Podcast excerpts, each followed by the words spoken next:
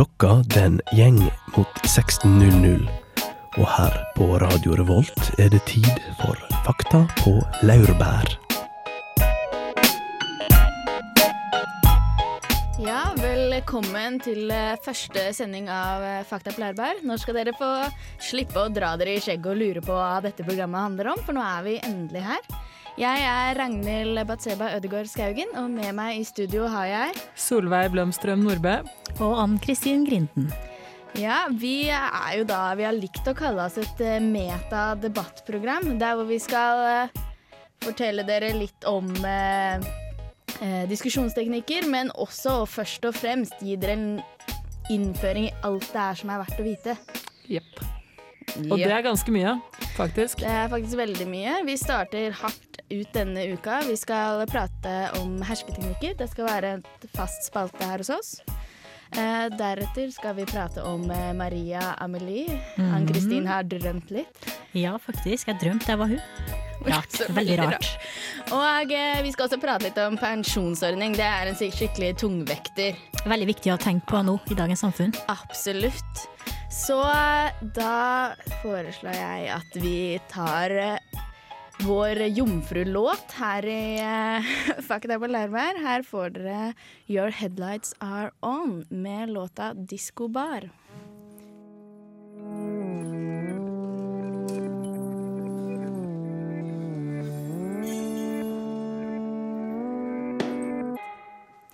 Ja, der hørte du Your Headlights Are On og Disco Bar. Du hører på Fakta på Lærbær, og nå skal vi prate litt om hersketeknikker.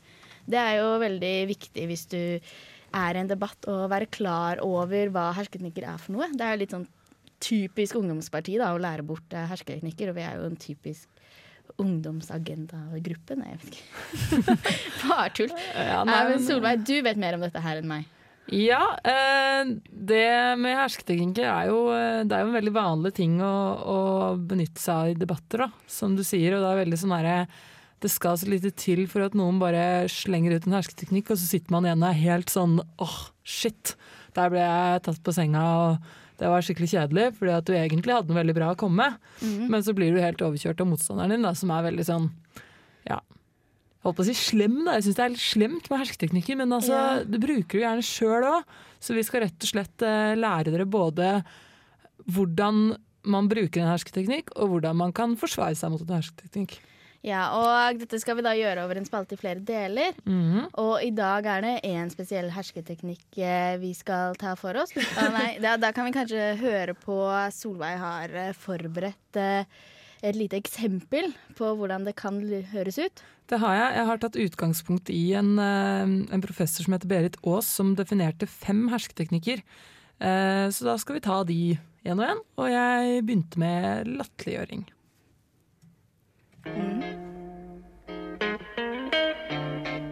Fakta på laurbær demonstrerer hersketeknikker. I dag latterliggjøring.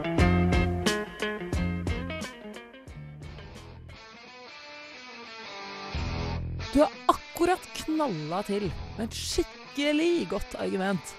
Og du er sikker på at nå kommer han til å sitte igjen totalt målløs.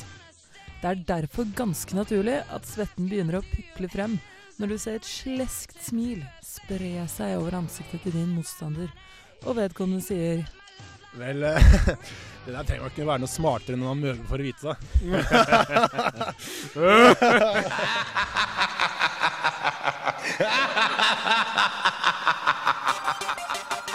Ouch! Dette var absolutt ikke en del av planen. Fra skinnende seier til knusende nederlag. Eller hva gjør du nå for å snu situasjonen til din fordel?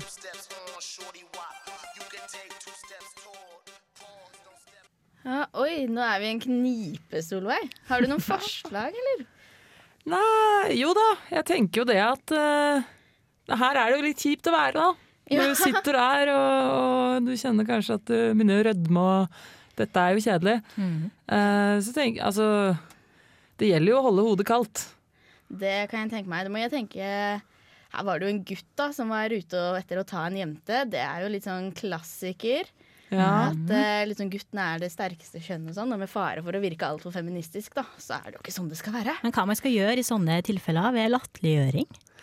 Altså jeg, Det finnes vel ikke noe fasitsvar på det. Jeg eh, personlig tenker at det viktigste er å, å ikke hisse seg opp. Det tror jeg gjelder egentlig uansett hva slags hersketeknikk du blir utsatt for. At du, at du faktisk holder deg rolig, og så svarer du litt rasjonelt tilbake. Og, og helt ærlig så kan det være noen ganger at uh, det beste er å, å spille like skittent tilbake og si et eller annet om at uh, ja, så komme en litt sånn snasen, eh, snasen tilbakeslag, da. Jeg Hvis det sånn, går. så ja, syns du ikke jeg sa var artig? Har ikke jeg god humor? Ja, kanskje. Eller ja, at du på en måte Du lar deg ikke kue av at du blir liksom utsatt for noe sånt. Du, du kan faktisk få gjennomslag for at Altså, du kan underbygge det du allerede har sagt. Det er veldig kjipt når sånt skjer, jeg tror det er noen som ikke er bevisst at de flirer for å bruke det som en hersketeknikk. Ja, det er jo sikkert en del som ikke visste Eller altså de som bruker det selv, da. Jeg er sikker på at jeg underbevisst bruker herreklinikker. Det har jeg fått kritikk for tidligere. Oi, Så Ragnhild, da.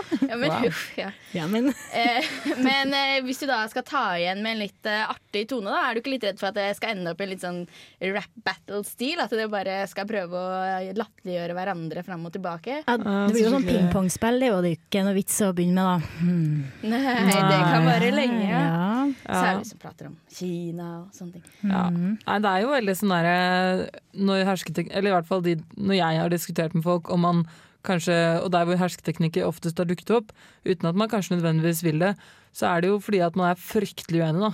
Så jeg tror det gjelder å bare, å bare prøve så godt man kan å argumentere for det man har å si. Rett og slett. det høres veldig lurt ut, Solveig. Det er dårlig gjort, altså. Å flire av folk sånn. Ja, pass på å ikke himle med øynene. Men nå skal vi høre på Zoom T og Disrupt med Saved by a Game.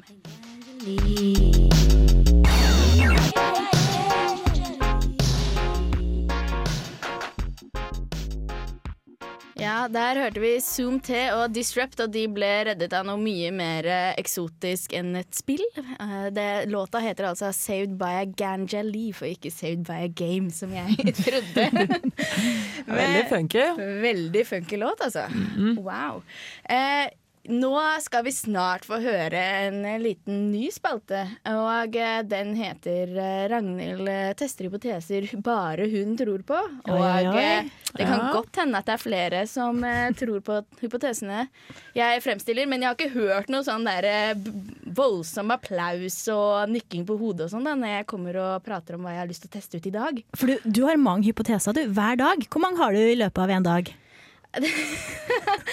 Nei, altså det er mange, men altså, det går jo fra helt små ting som f.eks. at uh, pass på å ikke blande to typer melk og sånne ting, til eh, å ja, til de store tingene i livet, da. Hvem som er den slemmeste rasen og de verste dyrene. Jeg Men- har i gjennomsnitt fem hypoteser per dag, tror jeg. Jeg er veldig Oi. på konspirasjoner også. Ja, men Jaha, da... du det? Det må du fortelle mer om senere, kanskje? Ja, det skal jeg gjøre. Faktisk så, så tenker jeg nå, at nå får du testet din gjennomslagskraft og din overbevisning gjennom denne spalten her. Ja, Fordi at hvis vi får litt oppslutning rundt hypotesene dine, ja, hvem vet hva som kan skje. ja, denne hypotesen jeg nå skal teste, får dere snart høre hva går ut på. Men dette her er en sequel. Altså det kommer til å være en oppfølger til denne delen. Dere får ikke svaret i dag, for å si det sånn. Så kjære tekniker, kunne du tenke deg å spille? Ragnhild tester hypoteser hun tror på, men som ellers ikke har noen nevneverdig oppslutning.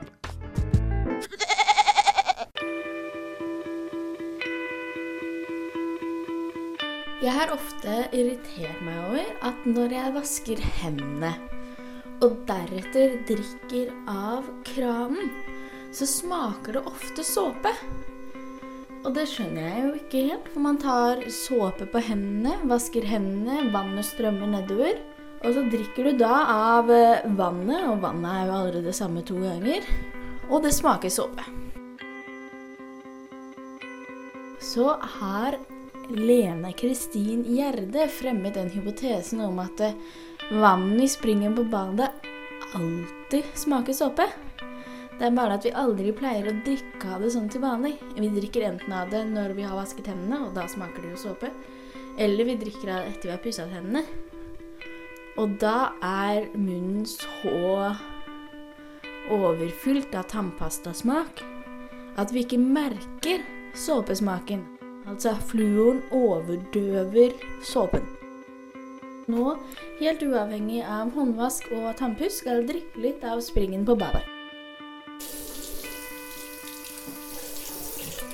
Det smaker kanskje ørlite grann bitte lite hint av såpe, men det var ikke mye. Så foreløpig så er ikke teorien bekreftet. Da tror jeg jeg går ned på på det andre badet, vi har to bad, og smaker på vannet der.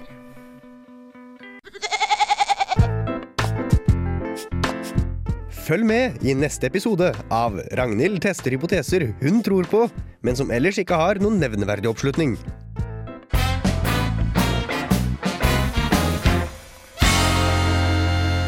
Fakta på laurbær. Ja, det eh, fikk eh, jeg bevist at jeg høres ut som en gammel dame når jeg er på badet, men jeg prater veldig sjelden med folk når jeg er på badet, da. Det vil jeg bare si. Ja, det er Ja, litt unaturlig setting. Hadde du drukket noe, Ragnhild? Det var jo i jula, og jeg hadde sikkert fått vin til middag. Ja. Ja. Og så hadde du spist masse mat. Ja, det er det. det Og så satt du på varmekabelen på gulvet. Jeg prøver å se for meg ja, og så hadde jeg tent stearinlys rundt omkring. Og jeg hadde smurt meg inn med såpe og i det hele Fordi, fordi det Du smurte deg med såpe for å gjøre hypotesen din mer testbar, du din snik. ja. Og du hørtes veldig salig ut, og nå Ja. skrur jeg på vannet. Nei, det var eh, Nå må vi over fra tull til noe innmari seriøst, da, for nå Ja. skal vi prate litt om framtida. Dette er tiden der vi skal sitte på badet og være innsmurt i oljer hele tiden. Ja, for vi er jo studenter. Eh, Ja, men om Vi har et langt liv foran oss. Ja, vi blir jo etter hvert pensjonister, og fra og med 1. januar i år så har det kommet en ny pensjonsreform. yes, og det er bra, er ikke det? Ja, nei, det er Nei, det nesten er ikke, ikke bra, altså. Nei, ikke. Jeg uh, lurer på om uh, vi skal høre litt på hvordan det gikk når jeg prøvde å kave meg gjennom jungelen av dokumenter på regjeringen.no. For det var ikke lett å tyde hvem som vant og hvem som tapte, og hvordan man egentlig skulle gjøre dette her. Så jeg har prøvd å oppsummere det for dere, og det kan vi høre på nå. Nå har det kommet en pensjonsreform, og vi skylder oss selv å følge med. Pensjonsreformen kom fordi den tidligere pensjonsordningen ikke var bærekraftig. Med den nye ordningen sparer staten milliarder. Men noen må betale for denne innsparingen. Og sosialdemokratisk nok blir det deg.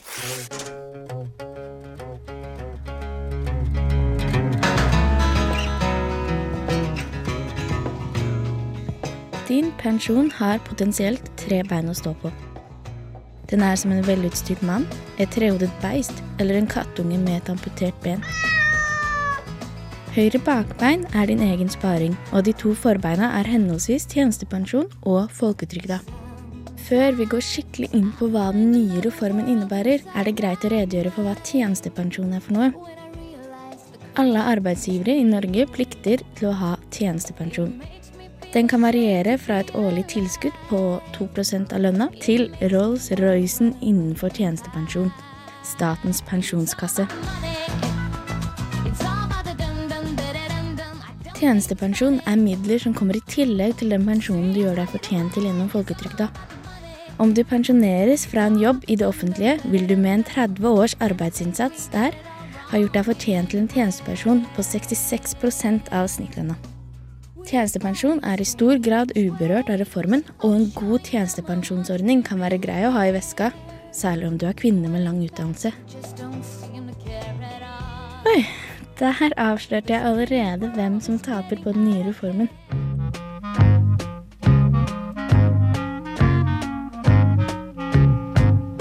Med den gamle pensjonsordningen var det inntekten i de 20 beste yrkesaktive årene som ga grunnlaget for pensjonen. I den nye pensjonsordningen tjener man av pensjonsrettigheter tilsvarende 18,1% av årlig pensjonsgivende inntekt. Dette gjør man gjennom hele den yrkesaktive delen av livet, fra 13 år og fram til fylte 75. Når man så pensjoneres, vil din inntjente pensjonsbeholdning divideres med et delingstall som reflekterer ditt kulls forventede levealder. Går man tidlig ut i pensjon, vil det være flere år å smøre pensjonen utover. Om man så bruker lang tid på utdannelse, får du færre inntjeningsår og dermed færre pensjonsrettigheter. Får du barn, må du gjerne ut i fødselspermisjon og mister dermed også verdifull inntjeningstid. Merkelig, eller hva? Og sosialdemokratisk, sier du?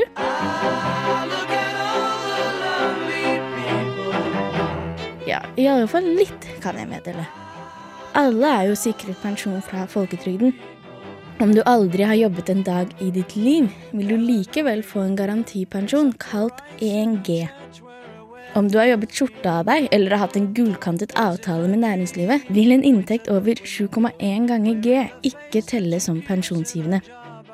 Driver du ulønnet omsorgsarbeid, f.eks.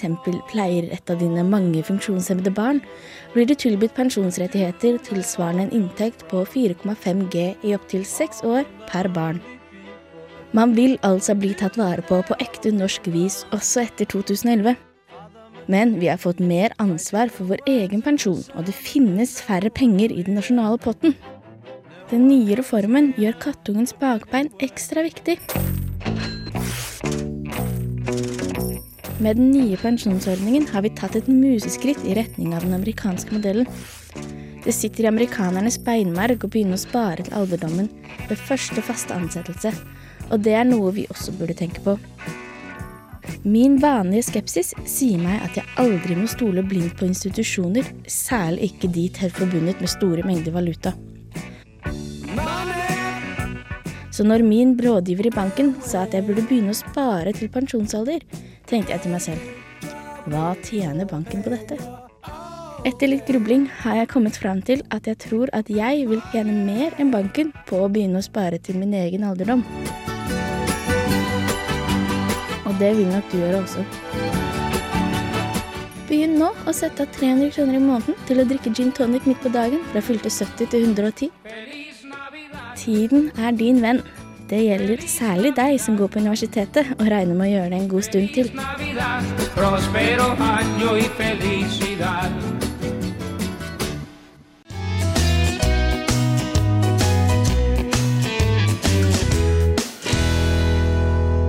Fakta på laurbær.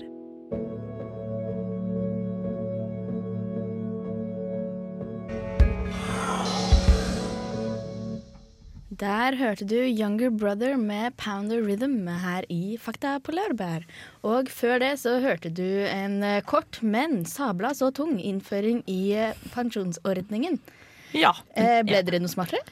Ja, ja. Ble, ble litt klokere. De som lider mest, er kvinner med lang utdanning. Ja, det er jo Jeg syns jo det er Det er helt hårreisende. Ja, det er Det er veldig paradoksalt at eh, kvinner Jeg merker at i kveld er vi veldig feministiske. Ja, men vi Ja, har det lov til det! vi lov Vi er tre kvinner her med meninger. Men, Ja. Vi liker lyttere, ikke sant, lyttere? Ja. Og de som, da, litt eh, mm, de som da vinner på pensjonsordningen, det er jo de som eh, La oss si for eksempel da en fysioterapeut som har da tre år utdannelse på høyskole. Starter rett etter videregående. Flytter til ei bitte lita kommune der hvor du er den eneste fysioterapeuten i kommunen. Mm, starter egen bedrift. Ja, Søker refusjon fra staten fordi du er den eneste fysioterapeuten i kommunen og får lov å jobbe fra sju om morgenen til sju om kvelden hele livet. Ja, men sånn er det på Verdalen. Jeg kommer fra Verdalen, og fysioterapeutene der de ruver jo på toppen av skattelista på Verdalen. De gjør det. Ja. Jeg trodde det var lottomillionærene som gjorde Ja, det. dem òg, men eh, lottomillionærer og fysioterapeuter. Men hva Ja, ok. slags aktiviteter er det dere driver i hverdagen som gjør at det er så innmari stort behov for fysioterapeuter? Ja, det er jo masse sport, pluss at det er mange gamlinger som bor på Verdalen. Så Ja, ja, ja. Snåsamannen, hvis han bodde på Verdalen, så hadde det kanskje vært omvendt. Eller kanskje ikke. Altså jeg skulle egentlig, eller jeg skulle ikke egentlig, men mamma har alltid sagt at Solveig, du burde bli fysioterapeut. Og nå, vet du! Dægeren! Det skulle jeg gjort. Ja, Men du- du skulle Ja. bli prest, du. Jeg skulle jo det, men de tror jeg ikke får det så bra etter pensjonen. Altså, du kan sikkert eh, kreve noe i kveldstillegg, da. Prester? Ja. Ja, for de farter jo litt rundt og snakker med folk, rundt. og Altså, du ja. skåler liksom. Og Må det være slitsomt å hele tiden måtte prate med Gud? Da er det jo, Ja. Du får jo aldri fred fra jobben. Det er jo, han er der hele tiden. Kanskje jeg skal toppe min utdanning med en fysioterapeututdannelse? Ja, Men da driter du deg bare ut igjen. Vet du. Ja, Hele poenget nei, er at du bare nei. Skal du jo lang ha det utdanning. kort utdannelse. ja, da har du veldig lang utdanning. sant. Å, søren òg! Særlig Så- alle de En som driver stor taper. Vi kommer til å få Men får vi pensjon i det hele tatt? Ja, vi får jo pensjon, og Ja. vi får jo i alle fall minstepensjon, men nå har vi jo vi forhåpentligvis etter hvert så får vi en slags universitetsutdannelse som eh, kommer til å gjøre at vi ikke må jobbe i eh, matbutikk resten av livet. Og jeg beklager dere som må jobbe i matbutikk, det er ikke fordomsfullt, men vi går på universitetet. Men det, altså, jeg må bare si, jeg er virkelig bekymra her nå. fordi at på min sparekonto eller kapitalkonto så har det veldig lenge stått 6 kroner og 10 øre. Og, og det tror jeg ikke forandrer seg i nærmeste fremtid. Nei. Jo, men det burde det. Du Kanskje burde ikke. begynne å spare 300 kroner hver måned, som jeg har tenkt å gjøre. Ja, det, det kan jeg faktisk få til. Ja, Eller det- dere kan gi det til sånn Redd Barna eller noe sånt. 300 kroner. Eh, Ja, men ja, hallo, men nå snakker vi om å redde de voksne. Ja, okay, ja. Eller veldig gamle. Ja, begynne å spare sjøl. Det var en veldig god idé. Ragnhild. Ja, det Herregud. må dere begynne med. Nå skal vi gjøre Skal Neil? Young med Cripple Creek Ferry. Og la oss ikke bli krøplinger, men ordentlige pensjonister, dere.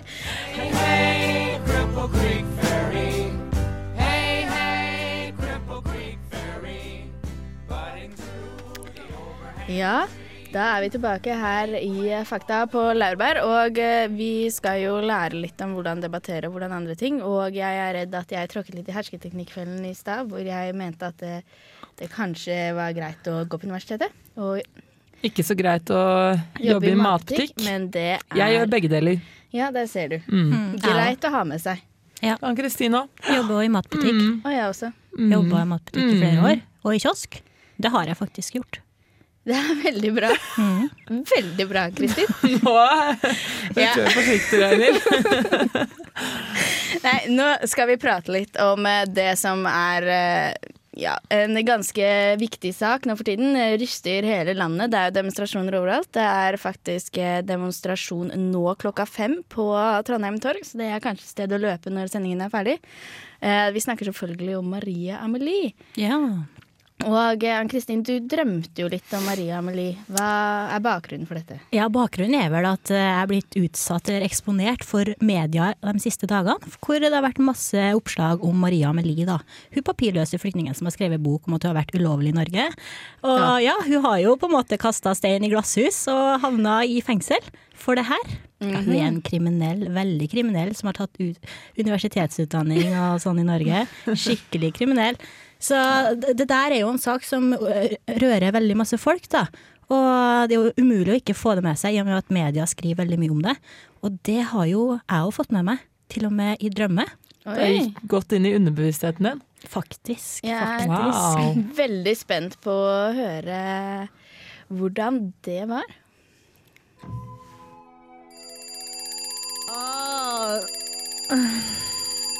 Det er tidlig en morgen, og jeg våkner opp av den jævlige drittklokka som vet å forstyrre meg akkurat når det passer meg minst. Jeg er nemlig midt i en drøm.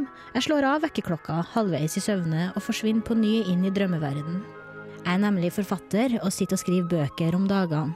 Det er fint, det, og jeg koser meg der jeg sitter foran Macbooken min på den store skrivepulten som står foran et vindu hvor jeg har utsikt til en park. Jeg tenker, hva kan være bedre enn det her, enn å høre fuglene som kvitrer når jeg av og til har vinduet på gløtt, men det er bare når det er varmt i været, for ellers så fryser jeg. Plutselig banker det på døra mi, den åpner seg, det er ei jerndør, så rart, hvor er jeg? Det er på tide å dra, Marie Amelie. sier en mann i uniform. Jeg reiser meg, pakker ned Mac-en i en koffert som ligger åpen ved senga. Mi? Nei, den er ikke mi. Hvor er jeg? Hvor skal jeg? spør jeg mannen. Du skal hjem til Kaukasus. Heim? Nei, det går ikke. Jeg er norsk, sier jeg og drar fram et blad fra lomma. Årets nordmann, står det. Ser du ikke det? Jeg peker på bildet av meg. Jeg har svart hår og et fint smil. Jeg er aldri sur. Jeg må kamme håret, sier jeg. Skynd deg nå! Nei, nei, nei, nei, nei, nei, nei, nå har du misforstått. Jeg skal ingen plasser. Hvorfor tar du på meg håndjern? Du skal hjem til Kaukasus. Flyet ditt går om en time. Flyet ditt, Maria. Det går snart. OK, det ser ut som jeg skal ut og reise. Greit. Han holder rundt meg. For en fantastisk ting. Jeg har kjæreste. Jeg er i et forhold. Det har jeg jo ville vært i så lenge. Han har blondt hår og litt for tjukke øyenbryn, men dem bryr jeg meg ikke så mye om. Og han er engasjert i meg. Det liker jeg veldig godt. Det er fint å ha kjæreste, tenker jeg, og kysser han. Lenge. Det er på tide å dra nå. Det er den samme mannen som henter meg. Stemmen hans begynner å gå meg på nervene. Jeg får lyst til å vise han fingeren, men akkurat idet jeg skal ta løft handa, kommer det ei dame opp til meg. Hva føler du nå, Maria Amelie? Blir det trist å dra fra Norge og hjem? Hun stikker mikrofonen opp i trynet på meg, og det mens kjæresten min heller rundt meg. Ja, selvfølgelig blir det trist. Hva tror du, din journalistjævel, får jeg lyst til å si. Men tenker jeg må holde maska og nikke heller. Ja, det blir trist, sier jeg, selvfølgelig. Noterer i blokka si. Hvorfor alt det her maset? Hvorfor er det så mange folk rundt meg? Han løsner på håndjernene mine, I Russland kan du gjøre hva du vil. sier mannen som henter meg. Jeg går mot sikkerhetskontrollen. Kjæresten min og alle folkene står i ro. De forsvinner. Maria! Welcome aboard this flight to Caucasus. It will take approximately some hours. På flyet er jeg omgitt av bare russere. Jeg lurer på hva jeg skal gjøre når jeg kommer fram. Kafi orti. Det står ei flyvertinne foran meg. Hun snakker dårlig engelsk med russisk aksent. Hun har bart. Alle russiske damer har det. Æsj, tenker jeg. Tea, please. Jeg nekter å snakke russisk, fordi jeg snakker det dårlig. We are now descending for Caucasus. Please raise your seat back.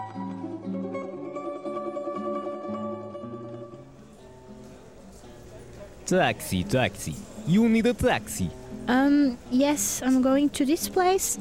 Jeg peker på et bilde av et gammelt hus. That house do not exist anymore. I drive you to hotel, yeah. Hotell?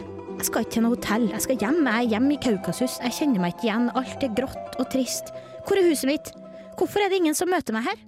You checking in for one person? Yes, jeg får nøkkel og går til rommet. Der setter jeg meg på senga og vil ringe kjæresten min. Jeg har ikke signal. Jeg kjeder meg. Det er absolutt ingenting å gjøre i Kaukasus. Jeg kjenner ingen her. Jeg skjønner ikke hva de sier. Maria! Det er kjæresten min. Hvor er du?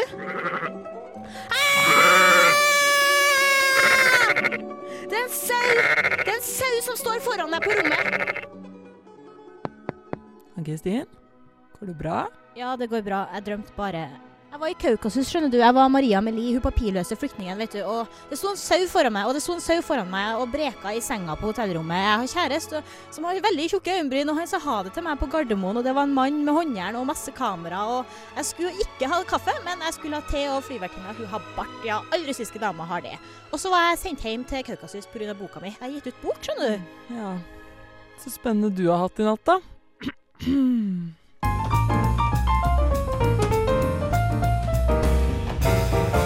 Fakta på laurbær.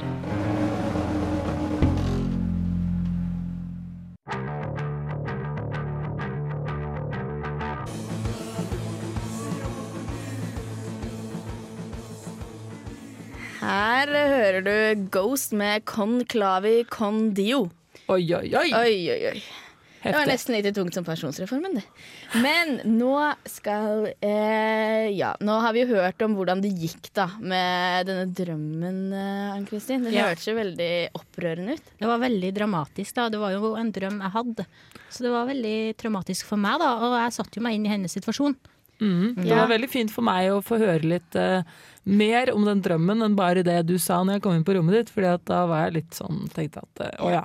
Dette med Ja, ja. sauen og sånn var kanskje ikke like seriøst. eh. Nei, jeg, jeg følte kanskje jeg hadde gjort et lite overtramp inn i ditt privatliv. Ja, fordi du kan jo være litt sånn noen ganger. Vi, Ja. vi bor jo sammen. Vi gjør jo det, og da, da er det jo viktig å gi hverandre litt rom, og ikke nødvendigvis Ja. komme bankende på døra ved hvert minste lille lyd, eller Ja, men nå hylte jeg jo da faktisk, så jeg skjønner at Ja. du måtte komme, da. Så det går bra. Ja, det er. Ja, det kunne jo vært noe på. verre enn en sau, men det å bli uh, deportert til Kaukasus, det er nok ganske ille. Så det, Det er kan jeg skjønne at du skreik av. Det var det og sauen.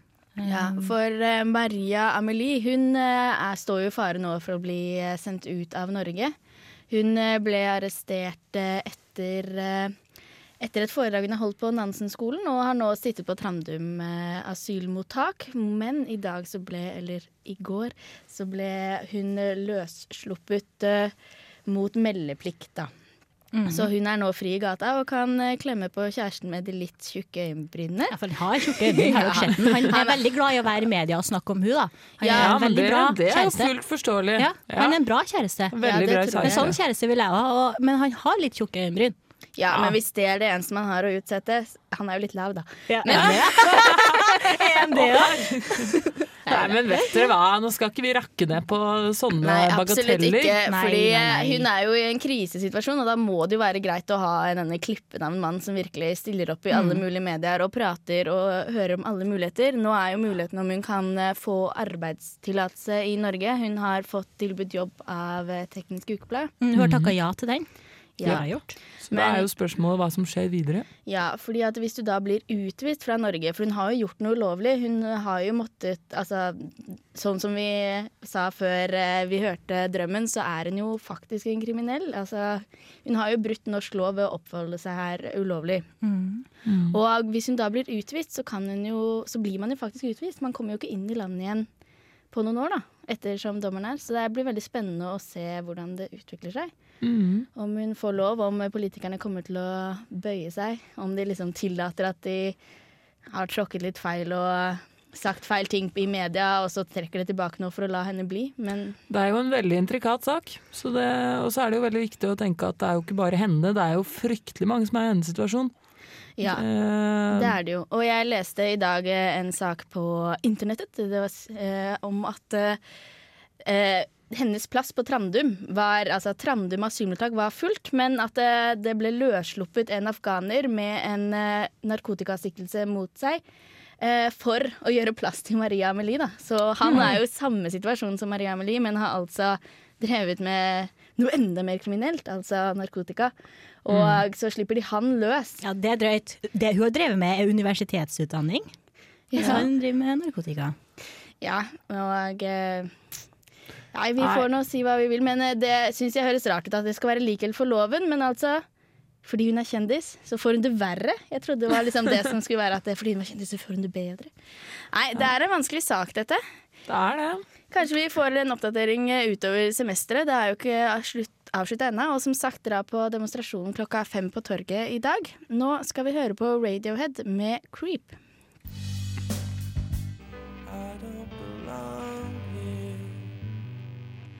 Der hørte du Radiohead med Creep her på Radio Revolt. Og nå må vi dessverre si takk for i dag. Du har hørt på Fakta på laurbær, og vi har eh, pratet om mye forskjellig. Pensjonsordning og hersketeknikk. Og Maria Amelie har vi prata om. Ja, ja, ja. Vi har prata om såpe og Ja. hypoteser, Ragnhild. Ja, det har vi. Og eh, neste uke skal jeg fortelle dere hvordan det gikk eh, neste gang jeg smakte på vann. Oi, oi, Ja. oi. Det er spennende! Gleder meg. Det blir saftig. Det blir veldig saftig. Dette har jo da vært vår første sending her i Fakta på laurbær, og det har jo Mm. gått eh, Ja, det syns det har gått fint, jeg, jenter. Ja, helt det enig. håper jeg lyttere er enig med oss i òg. Og at de Ja, hører på oss neste uke. Og så går det jo så klart også an å subscribe på podkast. Etter Ja. oss så kommer eh, på tirsdag Vi sier takk til tekniker Arneby, og takk til oss. Takk til dere som hørte på. Jepp. Og da ha det bra. Ha det! Ha det.